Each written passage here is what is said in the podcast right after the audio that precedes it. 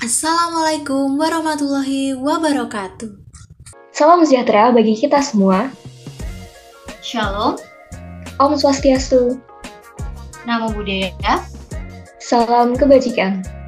Halo semuanya, selamat datang dan selamat mendengarkan podcast yang udah banyak ditunggu-tunggu nih. Apalagi kalau bukan Self Podcast, 11 Maret Vocational Podcast. Oke, kali ini saya podcast bareng Dinda sama Safira lagi, jadi jangan bosan dengerin suara kita berdua ya. Dengar-dengar Vocation lagi pada liburan semester ya. Udah pada rencanain liburan ke mana nih?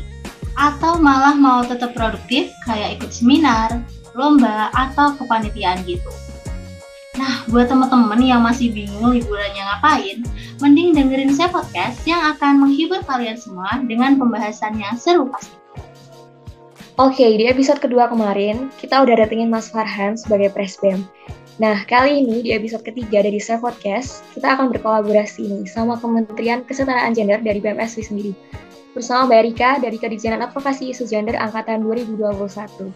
Boleh Mbak Erika perkenalkan diri dulu sama Jason. Hai. Hai, selamat siang, sore, bermalam semua Pokazan.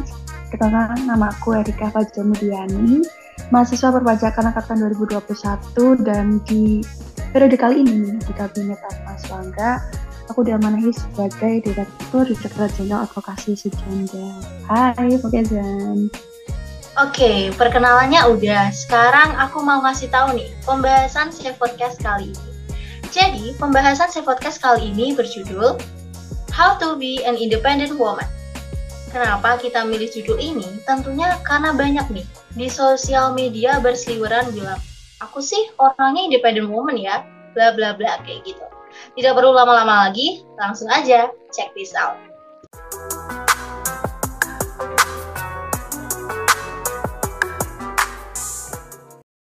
Pertama-tama kita masuk ke definisi dulu nih dari independent woman itu sendiri. Menurut Mbak Erika, apa sih independent woman itu?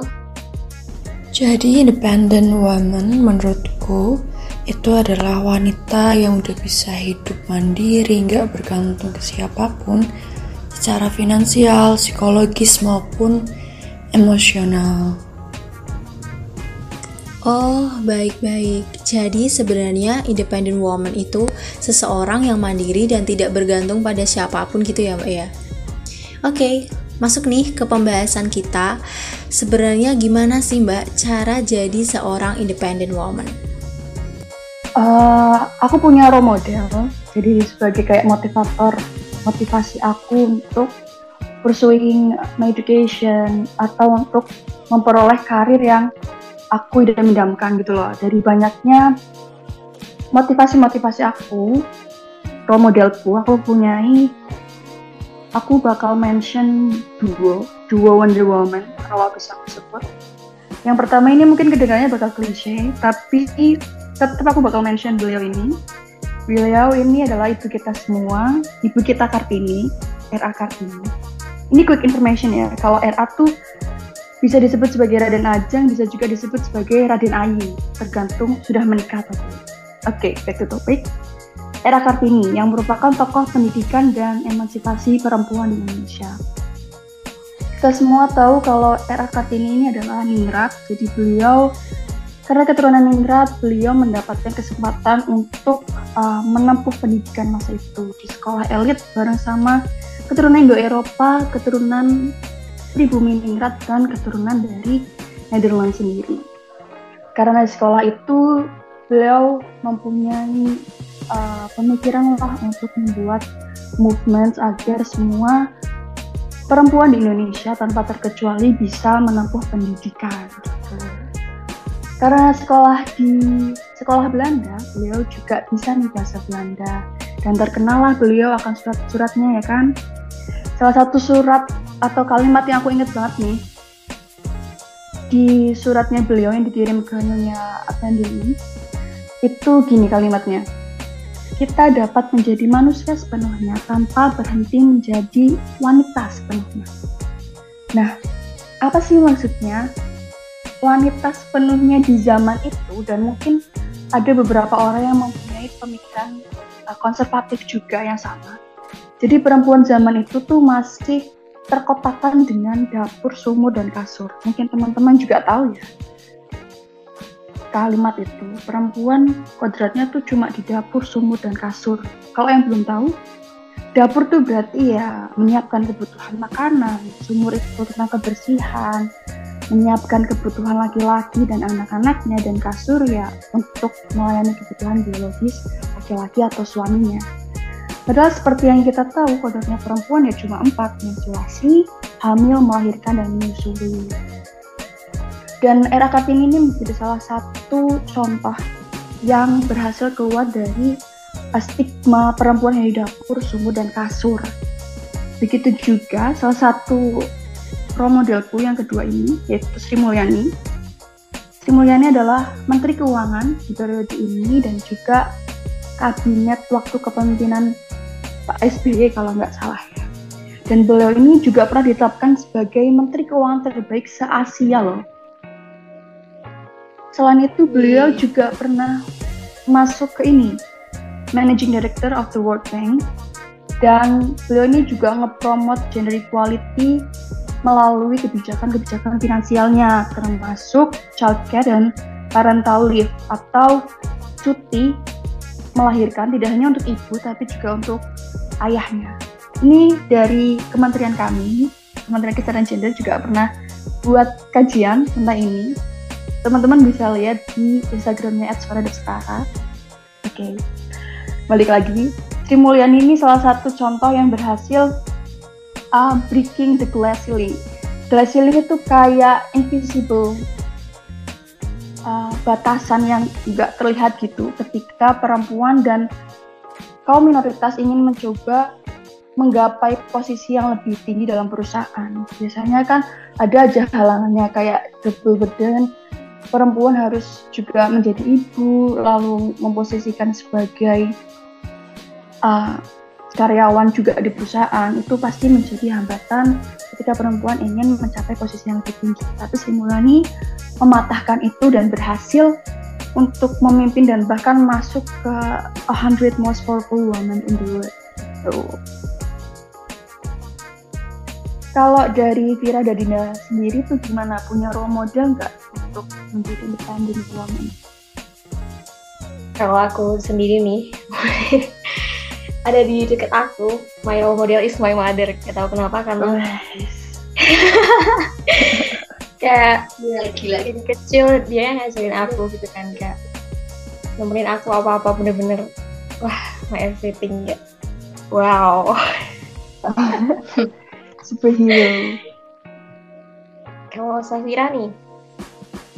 Kalau aku mungkin itu sih Najwa Shihab. Karena dia itu kayak nggak tahu keren aja gitu lihat dia itu ngomong gitu kayak Kritis interest ya, aja melihat dia ya Oke, itu tadi cara yang pertama, how to be an independent woman. Lanjut nih cara yang kedua. Apa nih, Mbak Erika?